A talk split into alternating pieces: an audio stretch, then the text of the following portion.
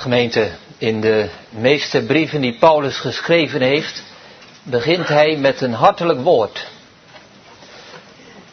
Hij begroet de mensen op een broederlijke wijze en hij spreekt zijn dankbaarheid uit jegens God, dat hij de genadegaven van God in hun leven mag zien. En hij spreekt over de liefde en verbondenheid die hij ervaart. Maar in deze brief is dat niet zo. Hij is nogal kortaf en afgemeten. Er kan nauwelijks een hartelijk woord vanaf. Hij begint de brief met de gebruikelijke groet. En meteen daarna al stoot hij door naar de kern. En zegt hij in vers 6, ik verwonder mij dat gij zo haast wijkende van degene die u in de genade van Christus geroepen heeft, overgebracht wordt tot een ander evangelie. Wat is er gaande? Wat gebeurt er daar in die gemeente in Galatië, zodat Paulus geroepen wordt om deze brief te schrijven? Wel gemeente, hij had er zelf gepreekt. Hij was er geweest in die verschillende gemeenten in de provincie Galatië. En hij was er weggegaan. Op het moment dat Paulus deze brief schrijft, is hij zelf waarschijnlijk in Rome. Maar dan bereiken hem berichten dat er na hem andere dominees daar gekomen zijn. Andere leraars die ook het evangelie brengen en die ook over Jezus Christus spreken. Maar het is toch anders. Om te beginnen hebben zij kritiek op Paulus. Twee dingen hebben ze op hem tegen. Ten eerste zeggen ze dat hij geen echte apostel is. En ten tweede zeggen ze dat hij te radicaal is. Hij is geen echte apostel, want hij heeft nooit de Heer Jezus gezien. En ten tweede, hij is te radicaal. Want het is wel waar, zeggen deze leraars. Jezus Christus heeft, heeft het woord van God gebracht en het evangelie. Maar, maar daarmee moeten we nog niet alles van het Oude Testament weggooien. Het is waar dat ook de heidenen nu eenvoudig kunnen komen tot het volk van God. Vroeger was die drempel erg hoog, je had allerlei voorschriften en regels en nu is de drempel laag geworden. Alleen de besnijdenis is nog maar nodig en dan treed je toe tot het Joodse volk en ben je een kind van God. Het is waar dat Jezus Christus de zaligheid verdiend heeft, maar de mens moet daar toch wel iets aan toevoegen door de besnijdenis. En Paulus hoort het en hij schrijft aan deze mensen hij zegt niet van ja, ja, accentsverschillen. Wij hebben het soms nog wel eens over accentsverschillen. Maar dat, dat kent Paulus niet. Hij zegt dit is een ander evangelie. En wie dit andere evangelie brengt, die is vervloekt. Hij schrijft dat aan mensen die werkelijk kind van God waren.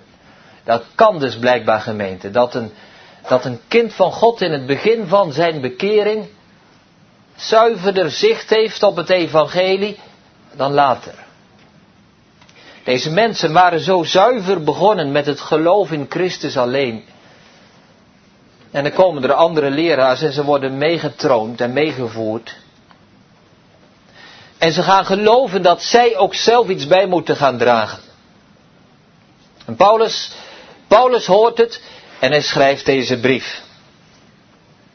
En eigenlijk in vers 4, waar onze tekstwoorden uitkomen, dan is hij nog bezig met de groet, maar in zijn begroeting komt hij al tot de zaak zelf. Jezus Christus die zichzelf gegeven heeft voor onze zonde. Zo begint hij. Met Jezus Christus. Zo zal hij straks zijn brief afsluiten. Bijna aan het allerlaatste eind van de, van de brief zal hij het zeggen. Het zij verre van mij dat ik zal roemen, anders dan in het kruis van onze Heer Jezus Christus, waardoor de wereld mij gekruisigd is en ik der wereld. Over deze woorden gaan we vanavond nadenken met de hulp van de Heer.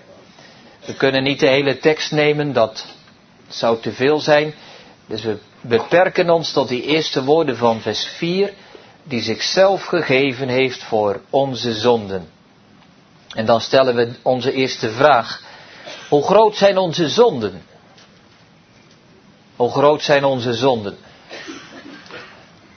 Ik denk dat we allemaal weten dat er drie stukken zijn. Misschien dat de kinderen dat ook wel weten. Drie stukken, twee wegen, één naam. Drie stukken, ellende, verlossing, dankbaarheid. Twee wegen, de brede weg, de smalle weg, één naam. Er is geen andere naam onder de hemel gegeven, waardoor wij moeten zalig worden dan de naam van Christus.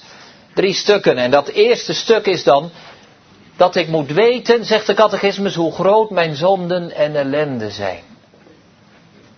Wel, dat is ook onze eerste gedachte vanavond. Hoe groot zijn onze zonden? U zult, u zult die vraag zichzelf wel eens gesteld hebben, misschien in een, in een week voor voorbereiding, nog niet zo lang geleden. Hoeveel zondekennis moet ik nu hebben? Wanneer is mijn zondekennis voldoende? Wanneer, ja wanneer ken ik genoeg van mijn ellende? Het lijkt alsof die vraag van de catechismus dat ook bedoelt. Wij moeten weten hoe groot mijn zonde en ellende zijn.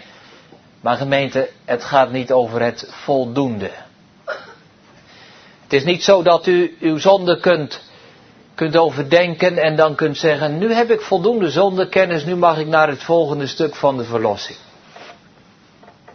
Maar wat betekent dat dan wel? Te weten hoe groot mijn zonden en ellende zijn. Gemeente, ik geef een voorbeeld. Misschien dat dat ons helpt om onze gedachten te bepalen. Stel dat ik een, dat ik een oud boek leen van iemand. Een oud boek uit de, uit de 17e eeuw of zo, waar er niet zoveel meer van zijn. En ik leen dat boek. Het is een kostbaar boek en helaas, ik raak het kwijt. En ik ga terug naar die persoon van wie ik dat boek geleend had. Ik zeg, joh, dat boek van jou, dat is weg. Als het nou een nieuw boek was geweest, dan kun je weer naar de winkel of je bestelt een, een nieuw exemplaar en dan is het, dat is rond. Maar als dat nu echt een oud boek is, stel u voor dat ik naar die persoon toe ga en zeg, ik ben dat boek kwijtgeraakt. Ik heb er eens over gedacht wat het kost en volgens mij is dat boek voor jou 50 euro waard, alsjeblieft, 50 euro. En de zaak is weer rond. Dat kan natuurlijk niet. Als ik dat boek kwijtmaak van die andere persoon, en het is een zeldzaam boek met misschien wel veel emotionele waarde voor die ander, dan moet ik aan die ander vragen, zeg jij mij wat ik jou schuldig ben? Die ander mag bepalen wat voor vergoeding voldoende is voor de schade die hij heeft opgelopen. Dat is eerlijk. Dat mag ik niet bepalen. Gemeente, als we dat nu eens overbrengen naar het geestelijke. En wij maken fouten, wat wij een fout noemen, gewoon in de omgang tussen mensen. Dat noemt de Bijbel een zonde als het gaat om ons, onze relatie tot God. Dus als wij fouten maken ten opzichte van God, als wij zondigen, als wij iets iets wat, wat, wat wij van God gekregen hebben kwijtmaken, dan bepaalt God welke voldoening nodig is. En de Bijbel leert ons dat wij het beeld van God zijn kwijtgeraakt. Wat God ons gegeven heeft bij de, bij de schepping, de goede schepping, dat zijn we kwijtgeraakt. En wie bepaalt nu gemeente hoe groot onze schuld is? Wie bepaalt dat nou? Kunt u zelf bepalen hoe groot uw schuld is ten opzichte van God? Waar vindt u nu een antwoord op die eerste vraag die we gesteld hebben? Hoe groot zijn onze zonden? Gemeente, dat antwoord vindt u dus niet in uzelf. U kunt in uw eigen leven zoeken naar een antwoord op die vraag. En u vraagt zich af, ervaar ik en voel ik de zonde wel voldoende en soms, ja, soms hebt u een zonde gedaan en dan denk je, is dat nou zo ernstig? Is dat nou zo erg? En een ander moment hebt u een zonde gedaan en dan, dan denkt u, mijn zonde is te groot dan dat ze vergeven kan worden. Het is u niet duidelijk. Nee, dat klopt ook. Want wij mogen niet in onszelf naar het antwoord zoeken op die vraag hoe groot onze zonden zijn. Gemeente vraagt dat aan God. Wij hebben gezondigd ten opzichte van God. En God bepaalt hoe groot de schade is. Hij bepaalt hoe groot onze zonden zijn. Hoe groot zijn onze zonden? We hebben uit Psalm 90 gezongen. En er staat dan in Psalm 90, hij stelt onze ongerechtigheden voor zich, voor zichzelf. Het is alsof God onze zonde bekijkt. Hij stelt onze heimelijke zonde in het licht van, van zijn aanschijn. En Psalm 90 spreekt ook over ons mensen en zegt dan, wie kent de sterkte van uw toorn? En wie kent uw verbolgenheid nadat gij te vrezen zijt? En het antwoord is niemand. Hoe groot zijn onze zonden, gemeente, dat kunnen wij vanuit onszelf niet peilen. Als wij in onszelf blijven zoeken naar een antwoord op die vraag, komen we er niet uit. Maar dit wordt wel duidelijk, dat onze zonden veel en veel groter zijn dan wij kunnen denken. Wij kunnen onderscheid maken tussen kleine zondes en grote zondes, maar de Bijbel zegt het volgende. Wederspannigheid is een zonde der toverij. Wederspannigheid, dat is, uh, als we daar een modern woord voor kiezen, dat is koppigheid. Eigenwijzigheid. Wie eigenwijs is, zondigt net zoveel als iemand die toverij bedrijft. Want wederspannigheid is een zonde der toverij. En wederstreven, tegenwerken, is afgoderij en beeldendienst. Wederstreven, mensen die Gods oproep in het evangelie tegenstaan, dat is, dat afgoderij en dat is beeldendienst. Wie de hele wet zal houden en in een van die zal struikelen, is schuldig aan alle geboden. Vervloekt is een iegelijk die niet blijft. In alles wat geschreven is in het boek der wet om dat te doen. God kent geen grote zonde of kleine zonde. Maar God bepaalt gemeente hoe groot onze zonden zijn.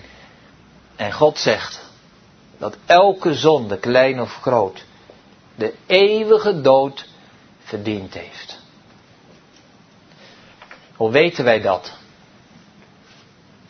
Dat staat in onze tekst. Er staat die zichzelf gegeven heeft voor onze zonden. Er was maar één middel nodig dat voldoende was om te betalen voor onze zonden en dat was de dood van Christus. Zo groot is de toorn van God, zegt het avondmaalsformulier. Zo groot is de toorn van God tegen de zonde, dat hij, eer hij ze ongestraft liet blijven, aan zijn eigen zoon met de bittere en smadelijke dood van het kruis gestraft heeft.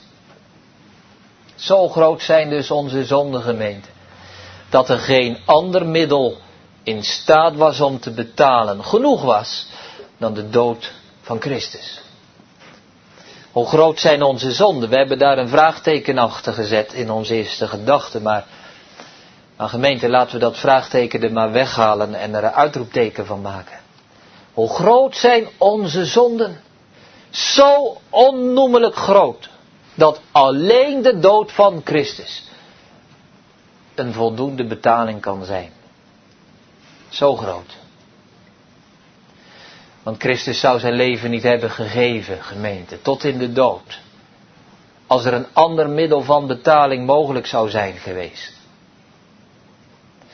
Hij zou niet die vervloekte kruisdood hebben ondergaan als er een ander middel genoegzaam was geweest.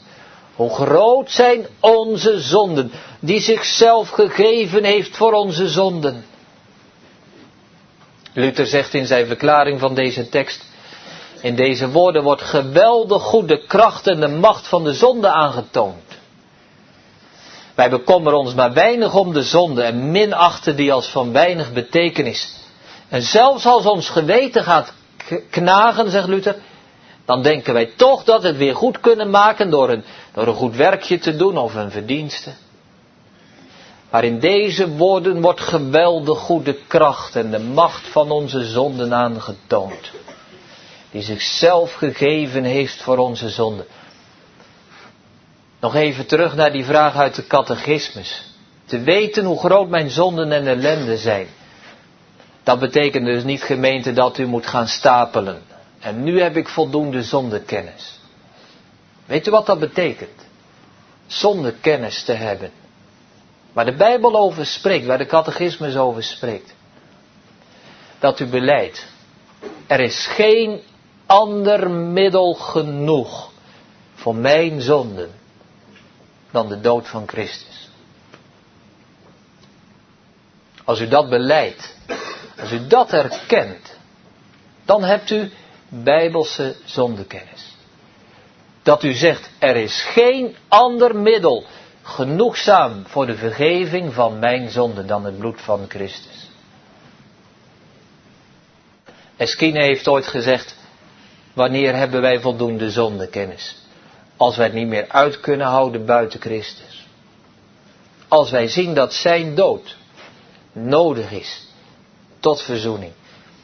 En daarom gemeente, ik zou die vraag, hoe groot zijn onze zonden, willen vervangen door een andere vraag. We hebben er een uitroepteken achter geplaatst. En laten we elkaar nu eens een andere vraag stellen. Waar zijn onze zonden? Waar zijn onze zonden? Draagt u ze zelf of draagt Christus ze voor u? Weet wij kunnen zo bezig zijn en met die vragen van heb ik wel genoeg dit en heb ik wel genoeg dat. En we kijken naar onszelf en we vergeten die vraag te stellen, waar zijn mijn zonden? Liggen ze nog op mijn eigen leven en drukken zij mij te neer? Tot in de eeuwige dood. Of liggen zij op Christus? En dat is de vraag gemeente waar wij, waar wij voor Gods aangezicht een antwoord op moeten geven. Als wij zelf onze zonden nog dragen. U denkt toch niet dat, u denkt toch niet dat God u zachtzinniger zal behandelen dan hij zijn eigen lieve zoon gedaan heeft. Toen hij zijn zoon gegeven heeft tot in de dood, de vervloekte dood van het kruis. Hij heeft zijn eigen zoon niet gespaard. Waar zijn uw zonden? Waar zijn uw zonden, gemeente? Kent u iets van de noodzaak van de dood van Christus? Als het enige betaalmiddel voor uw zonde. We gaan naar onze tweede gedachte. Hoe groot is Christus liefde? Laten we daar meteen maar het uitroepteken weghalen, het vraagteken weghalen en er een uitroepteken voor in de plaats zetten. Hoe groot is Christus liefde? Want de tekst zegt die zichzelf gegeven heeft voor onze zonden. Hij stierf niet voor vrienden en voor, voor goede mensen, maar hij stierf voor vijanden en voor goddelozen. Hij stierf voor die hoofdman over honderd, die daar aan de voet van het kruis stond. En die totaal geen greintje medelijden had met die man die daar hing. Hij stierf voor Simon van Cyrene, die, die tandend achter hem het kruis moest dragen. Hij stierf voor Petrus, die hem verlogend had. En gezegd, gezegd had, ik ken hem niet. Paulus zegt in Romeinen 5, nauwelijks zal iemand voor een rechtvaardige sterven. Want voor de goede zal mogelijk ook iemand bestaan te sterven. Maar God bevestigt zijn liefde jegens ons, dat Christus voor ons gestorven is. Als wij nog zondaars waren. En de tekstgemeente gaat nog verder. De tekst zegt niet die zichzelf gegeven heeft voor zondaren.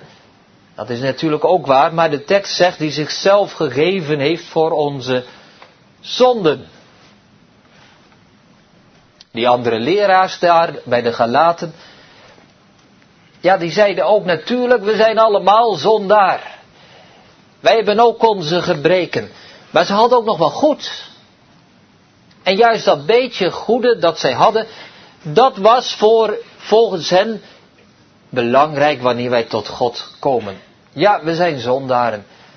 Maar we hebben toch ook nog iets extra's. En dan, en dan zegt Paulus meteen al in zijn groet, Christus die zichzelf gegeven heeft.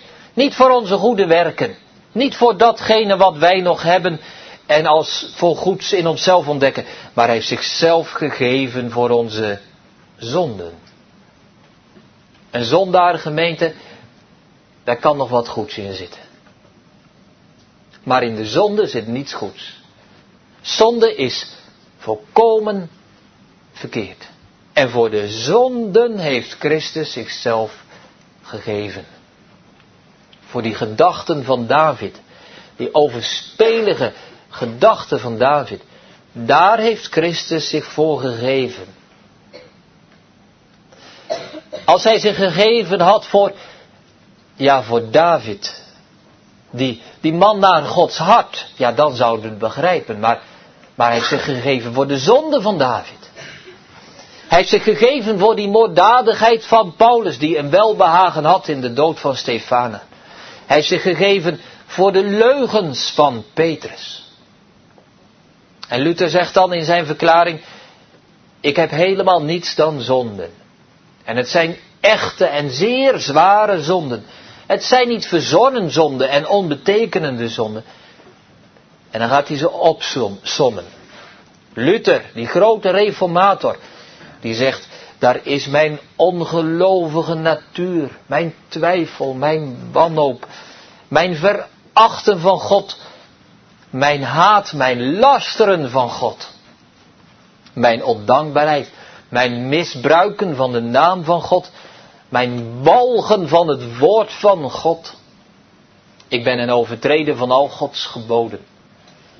En dan zegt hij, dus omdat mijn zonden zo erg zijn, zo groot en verschrikkelijk en niet te overwinnen, daarom is Jezus Christus, de Zoon van God, daarvoor in de dood gegeven, om ze weg te doen en mij en allen die geloven te redden die zichzelf gegeven heeft voor onze zonden. En wat gaf hij dan, gemeente? Gaf hij van zichzelf, van zijn rijkdom, ja, inderdaad.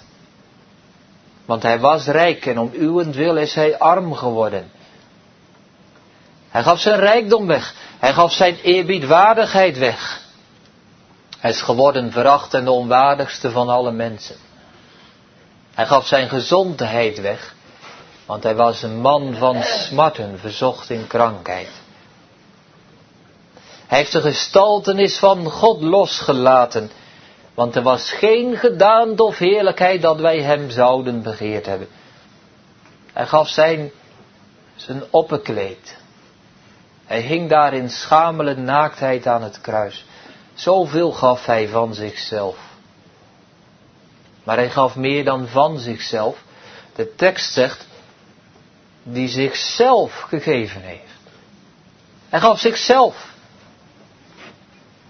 Hij gaf zijn leven. Hij gaf zijn, zijn bloed. In hem hebben wij de verzoening door zijn bloed. Hij gaf zijn ziel. Hij heeft zijn ziel tot een schuldoffer gesteld. Hij gaf zijn leven. Hij heeft gezegd tegen zijn discipelen, ik leg het leven van mijzelf af. Hij gaf zichzelf. Hij gaf niet alleen van zichzelf, maar zichzelf, zijn leven. En hij gaf, zegt de kanttekening, zichzelf in de dood. In de dood, de tijdelijke dood, de geestelijke dood, de eeuwige dood. De Heer Jezus heeft de tijdelijke dood ondergaan, de scheiding van lichaam, van lichaam en ziel.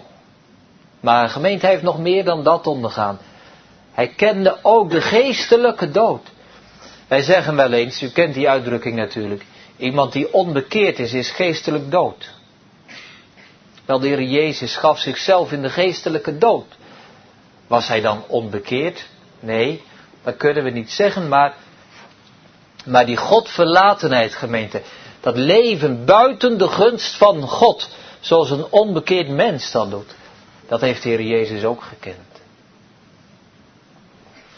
En zelfs heeft hij iets gekend van die, van die eeuwige dood. Niet letterlijk, maar toch. Zoals de mensen die in, het, die in de verdoemenis komen. Calvijn zegt, hij heeft in zijn leven de wanhoop en de angst van een verdoemd mens gevoeld. Dat is wat gemeente. Dat de Jezus zichzelf gegeven heeft in de dood. Dat hij zich voelde als de mensen zich in de hel voelen, zonder God. In volkomen wanhoop en in volkomen verlatenheid. Hij gaf zichzelf in de dood. Hoe groot is Christus liefde, gemeente? Hoe groot is zijn liefde dat hij zichzelf gegeven heeft voor onze zonden in de dood. En voor wie deed hij dat? De tekst zegt, die zichzelf gegeven heeft voor onze zonden. Wie zijn die ons? Wie zijn die ons die hier aan het woord zijn in deze tekst? Zijn dat alle mensen of misschien alle kerkgangers? Gemeente zou ik vanavond tegen u mogen of moeten zeggen, Jezus Christus is voor uw zonden gestorven. Er zijn mensen geweest in de geschiedenis van de kerk die dat gezegd hebben. En zeker niet de minste. En toch, laten we daar eens wat langer over doordenken, want wat betekent dat nu gemeente? Ik denk niet dat dat de bedoeling is om hier te zeggen dat dat nu maar zo in zijn algemeenheid geldt voor ons allemaal. Jezus Christus is voor onze zonde gestorven. En laat mij uitleggen waarom. Een tijdje geleden was ik op de catechisatie bezig met, met uitleg van zondag 7. Zondag 7 stelt die vraag ook. Worden alle mensen door Christus zalig, gelijk zij na dan verdoemd zijn geworden? En het antwoord luidt nee. Nee, maar alleen zij die hem door een waar geloof worden ingelijfd en al zijn weldaden aannemen. Ik zei tegen de catechizanten, stel je nu voor dat er stond, worden alle mensen door Christus zalig, gelijk zij in Adam verdoemd zijn? Antwoord, ja. Ik zei, dan was de catechisatie met vijf minuten afgelopen. Dan vertel ik jullie ten eerste dat we alle mensen door Adam verdoemd zijn. En vervolgens dat we allemaal door Christus behouden zijn. En dan kun je nu naar huis gaan. Toen vroeg ik aan de jongen, als dat nu waar is. En de catechisatie was nu voorbij. Je ging naar buiten, wat zou je gaan doen? En die jongen was eerlijk. Hij zei, naar de cafetaria. En toen zei ik tegen de groep, en dat, dat wil ik vanavond ook zeggen, gemeente. Als dat nu zo was, dat Christus voor alle mensen zou moeten sterven en dat dat, dat mijn boodschap was, ja.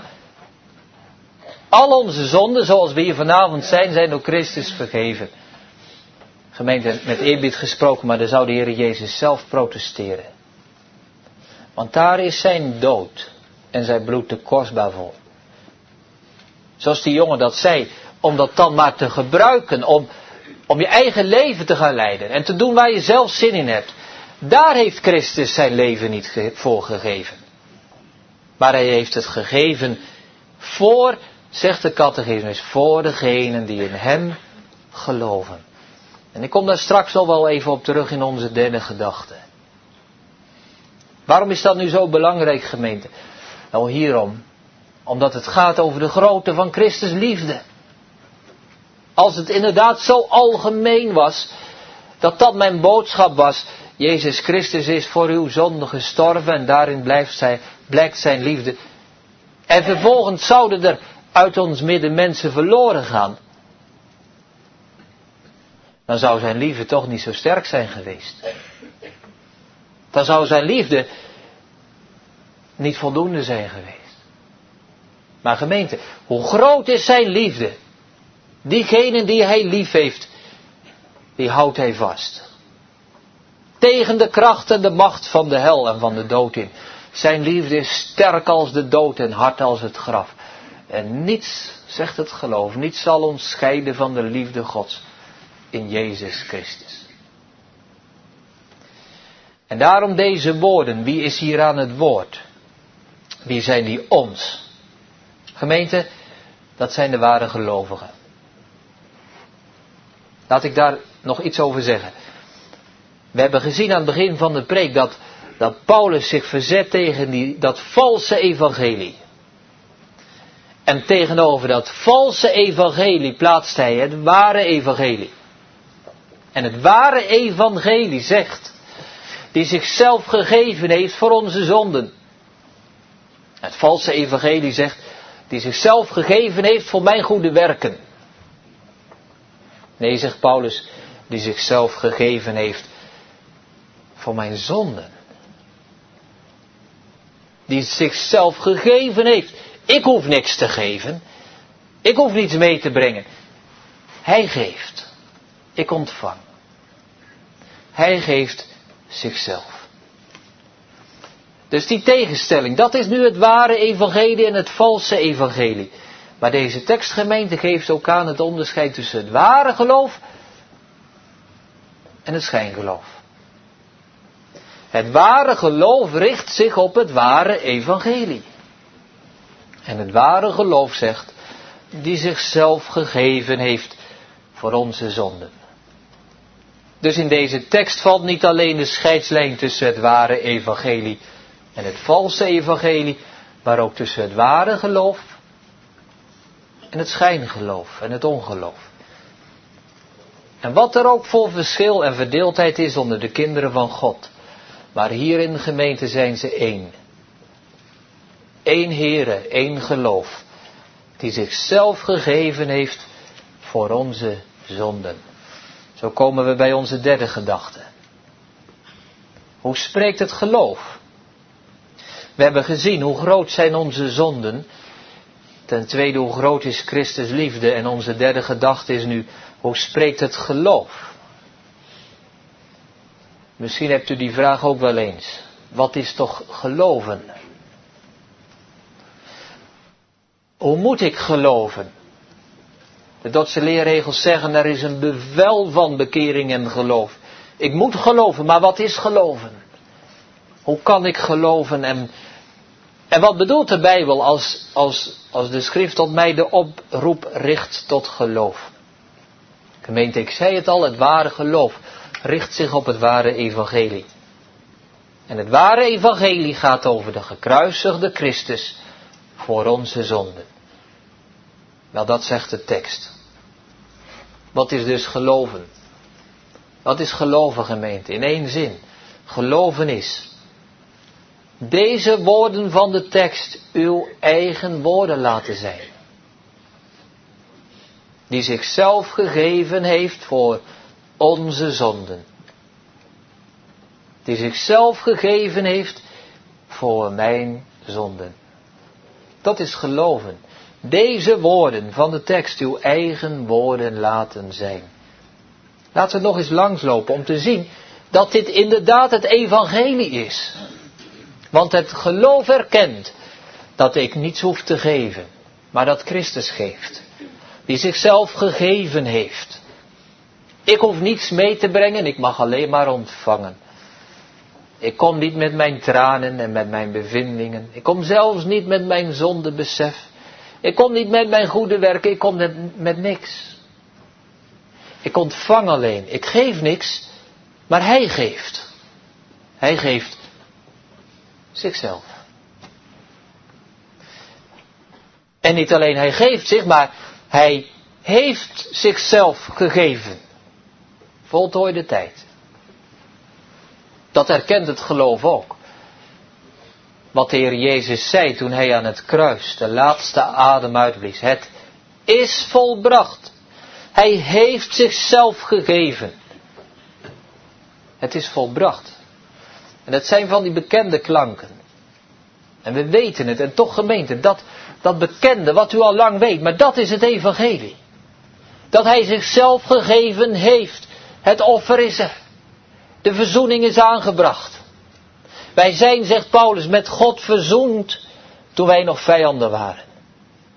Toen wij nog nergens aan dachten en nog goddeloos leefden, toen was God al lang bezig met zijn liefdewerk. Hij heeft zijn zoon gegeven.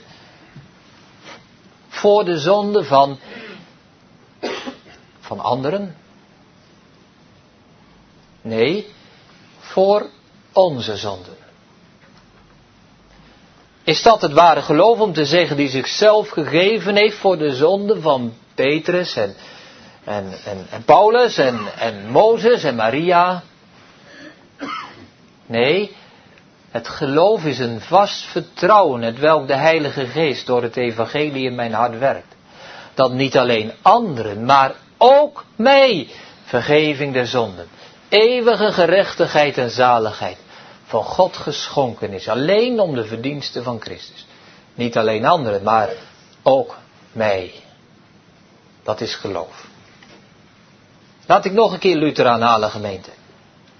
Overweeg zorgvuldig de afzonderlijke woorden van Paulus, zegt hij.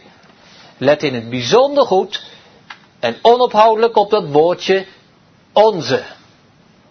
Want al het gezaghebbende ligt daarin dat men de woorden mijn en onze, waar de schrift zo vaak over spreekt, op zichzelf betrekt. U kunt gemakkelijk geloven en zeggen dat Christus zichzelf gegeven heeft voor de zonde van Petrus en Paulus en Maria. Want dat waren heilige en goede mensen. En om God te prijzen en de lof aan te heffen voor Hem, dat Hij zijn zoon gegeven heeft, zonder dat woordje onze, zegt Luther. Hij zegt, ja dat lukt nog wel. Dat gaat ons wel makkelijk af. Maar zodra het erop aankomt dat voornaamwoord onze toe te voegen, dan deinst onze zwakke natuur terug. En dan waagt ze het niet. Dan waagt ze het niet tot God te naderen en hoopt te koesteren dat zo'n grote schat haar als geschenk gegeven wordt. En daarom wil ze eigenlijk met God niets te maken hebben. Onze natuur deinst daarvoor terug. En dan dat woordje onze, zegt Luther, dat passen dan toch niet op zichzelf, maar op anderen toe. En dan willen we nog een poosje wachten. Tot ook wij het waardig zijn en ervoor geschikt zijn. Herkenbaar vindt u niet.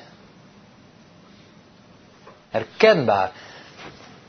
Wie zichzelf wat leert kennen. Die zegt toch niet zomaar. Die zichzelf gegeven heeft voor, voor onze zonde, voor mijn zonde. Nee, laat ik, laat ik me maar een poosje wachten. Dat kan toch niet zomaar.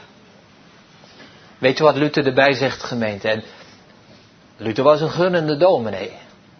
Maar hij, zei, hij kon wel scherp zijn en dan zegt, u, zegt hij, als u nu niet gevonden wordt onder het getal dergenen die kunnen zeggen, die zichzelf gegeven heeft voor onze zonden. Als u nu niet gevonden wordt onder het getal van diegenen, dan is het met uw zaligheid volledig gedaan. Dat is geloven gemeente. Die zichzelf gegeven heeft voor mijn, voor onze zonde. Het geloof, zeggen we dan, is toe-eigenend van aard. Toe-eigenend van aard. Hoe spreekt het geloof? Laten we hier ook maar gemeente dat vraagteken weghalen en er een uitroepteken van maken.